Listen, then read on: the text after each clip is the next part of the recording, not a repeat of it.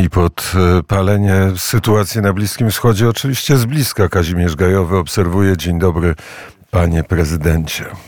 Dzień dobry panie prezesie. Pozdrawiamy naprawdę z pięknego, słonecznego Libanu i jak na razie bardzo, bardzo spokojnego, jeżeli chodzi o większość jego terytorium, ponad 90%. I słońca, i spokoju bardzo e, panu zazdrościmy. E, niemniej o niepokojach i o tym wszystkim, co dzieje się w strefie gazy, okiem kogoś, kto mieszka w Libanie i przeżył w Libanie wojnę. E, proszę opowiedzieć. Y, tak, my tylko tak troszkę udajemy, że wszystko jest w porządku i tak się pocieszamy, ale jednak zdajemy sobie sprawę, że siedzimy na prawdziwej beczce, beczce prochu i wszystko to, co się dzieje y, w gazie, y, oczywiście obserwujemy i po prostu płaczemy nad każdym, zwłaszcza zamordowanym, zabitym dzieckiem, ale też patrzymy, co się dzieje na granicy między Libanem a Izraelem, a tam jest ciągle gorąco, choć chociaż to gorąco w cudzysłowie e, ciągle ogranicza się do dwóch, trzech, czterech, co najwyżej pięciu kilometrów strefy e, przygranicznej. Praktycznie wybuchy i ostrzały z jednej i z drugiej strony nie milkną i przynoszą oczywiście też e, swoje śmiertelne żniwo. Hezbollah e, sam ogłosił, że około 60 e, jego bojowników już poniosło śmierć podczas tego miesiąca wojny, nie określając dokładnie imion i nazwisk,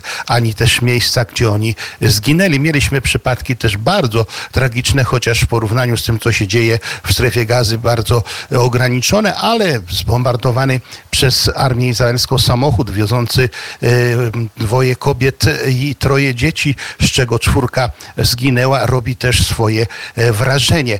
Jednak obserwując tak troszkę szerzej to, co się dzieje na świecie w ogóle tutaj bliskowschodnim, arabskim, e, no troszeczkę powiało też i nadzieją. No chociażby ten czterogodzinny rozejm od wczoraj, który ma być zapowiadany trzy godziny wcześniej, który przede wszystkim wszystkim pozwoli tym, którzy chcą jeszcze w jakiś sposób się chronić, swoje, swoje dzieci, y, swoją rodzinę, że będą mogli usuwać się z tych y, no, rejonów bezpośredniej walki. Miejmy nadzieję, że będzie to dotrzymane.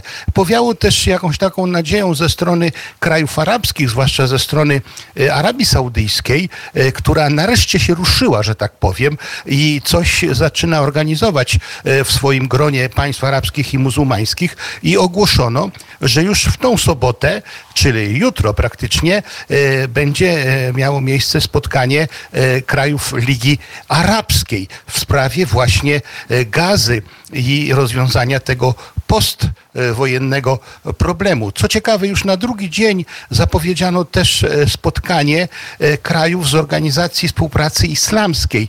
Ja wiem, że to dla nas słuchaczy Radia Wnet w Europie może się wydawać, że kraje arabskie, kraje muzułmańskie to jedno i to samo. Nie do końca, bo do Ligi Krajów Arabskich należy 22 państwa, natomiast do Organizacji Współpracy Islamskiej aż 57. I uwaga, w tym gronie tych państw 57 współpracy islamskiej jest również Iran. I tutaj właśnie jest w jakiś sposób znak zapytania, jak to zostanie potraktowane. To, co ciekawe, wszyscy sobie zdają sprawę i to Arabia Saudyjska bardzo e, podkreśla, że bez Stanów Zjednoczonych, bez ścisłej koordynacji ze Stanami Zjednoczonymi nie ma po prostu furtki wyjścia z tej sytuacji, w jakiej się teraz Bliski Wschód, w sposób szczególny strefa gazy i oczywiście południowy Liban e, znajduje. No i pierwsza taka opcja, o której e, są przecieki, że będzie mowa na tych spotkaniach, to jest to, żeby utworzyć jak najszybciej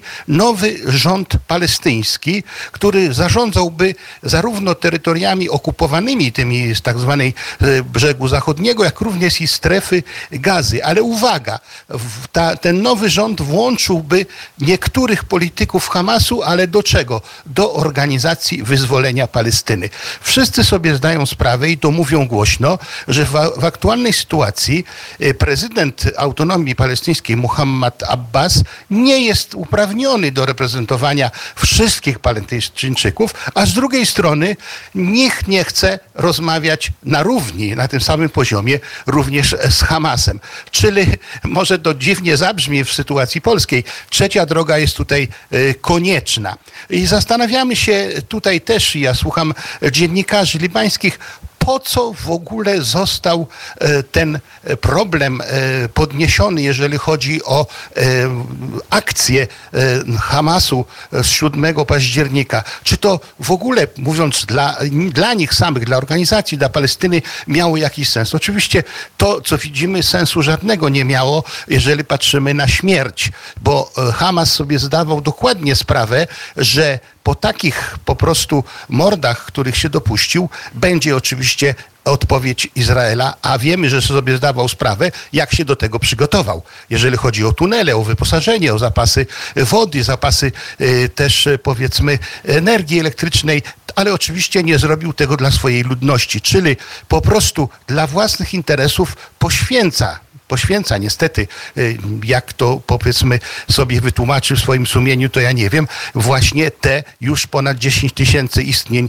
ludzkich, ale być może w planie miał to, co ja o tym mówię, że to może doprowadzić w końcu do e, takich powiedzmy konkretnych już rozmów na temat przyszłości w ogóle Palestyny i przede wszystkim tego planu, który wcale nie jest nowy, bo to jest plan z 1947 roku, czyli żeby było dwa państwa obok siebie leżące, e, niezależne, e, całkowicie funkcjonujące własnym niepodległym rytmem. Oczywiście wszystko to jest przed nami, na pewno we wtorek o 9.10 będę miał dużo więcej do powiedzenia już po tych tych właśnie spotkaniach w Arabii Saudyjskiej, które będziemy tutaj podczas tego weekendu pomimo weekendu też będziemy dokładnie śledzić i później państw, z Państwem się e, dzielić tymi informacjami, mając zawsze nadzieję, że dobrymi. Na koniec jeszcze taka historia dotycząca właśnie Libanu. Liban po prostu zamarł można powiedzieć, że nie ma tutaj żadnej instytucji, ani rządowej, ani prezydenckiej, ani też samorządowej, bo to wszystko też leży, wszystkie instytucje są, można powiedzieć, nieczynne, co prowokuje tubylców, żeby myśleć o emigracji. A my wiemy, że Libańczycy, w większości ta część chrześcijańska jest bardzo, że tak powiem, wykształcona, przygotowana zawodowo do życia i łatwo znajduje pracę y, i to nie tylko w krajach arabskich, ale nawet i Europie czy Ameryce.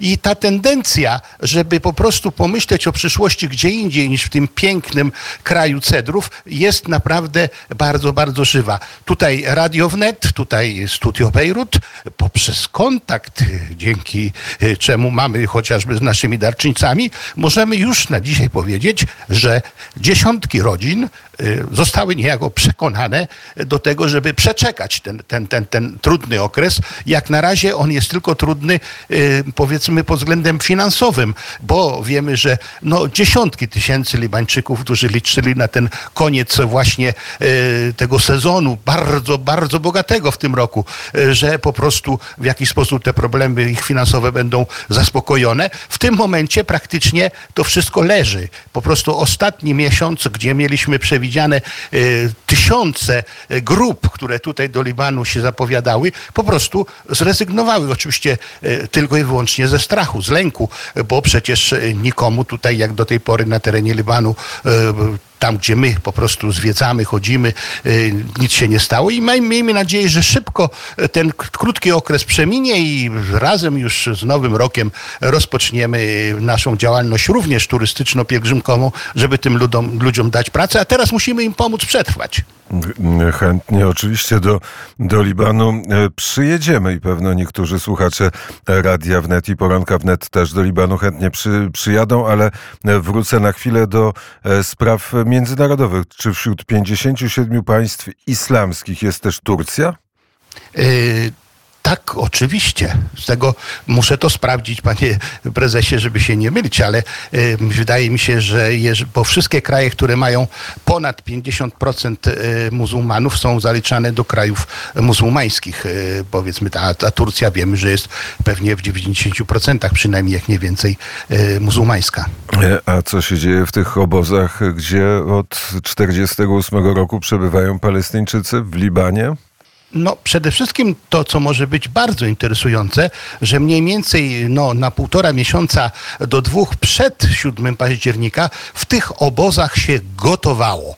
Po prostu między sobą różne frakcje, no zwłaszcza frakcja e, właśnie w Al-Fatah, czyli ta stara frakcja już nieżyjącego Arafata i oczywiście frakcja Hamasu i wszystkich tych organizacji islamistycznych między sobą e, po prostu e, roz, mieli swoje rozrachunki przy użyciu nawet ciężkiej e, broni, e, różnego rodzaju rakiet e, ręcznych i broni automatycznej. Czyli był wielki bałagan. Być może chodziło o to, czy przystępować, czy nie przystępować, powiedzmy, do tego, co na pewno przynajmniej szefowie musieli w jakiś sposób być przygotowywani. Aktualnie z powodu tego, co się dzieje w, w, tr- w strefie gazy, jak również na południowym Libanie, to wszystko ucichło. Jednak co jakiś czas mamy przecież informacje, że to właśnie bojownicy Hamasu z terenu Libanu ostrzelewują też e, poszczególne przygraniczne miasta izraelskie. Czyli jednym słowem,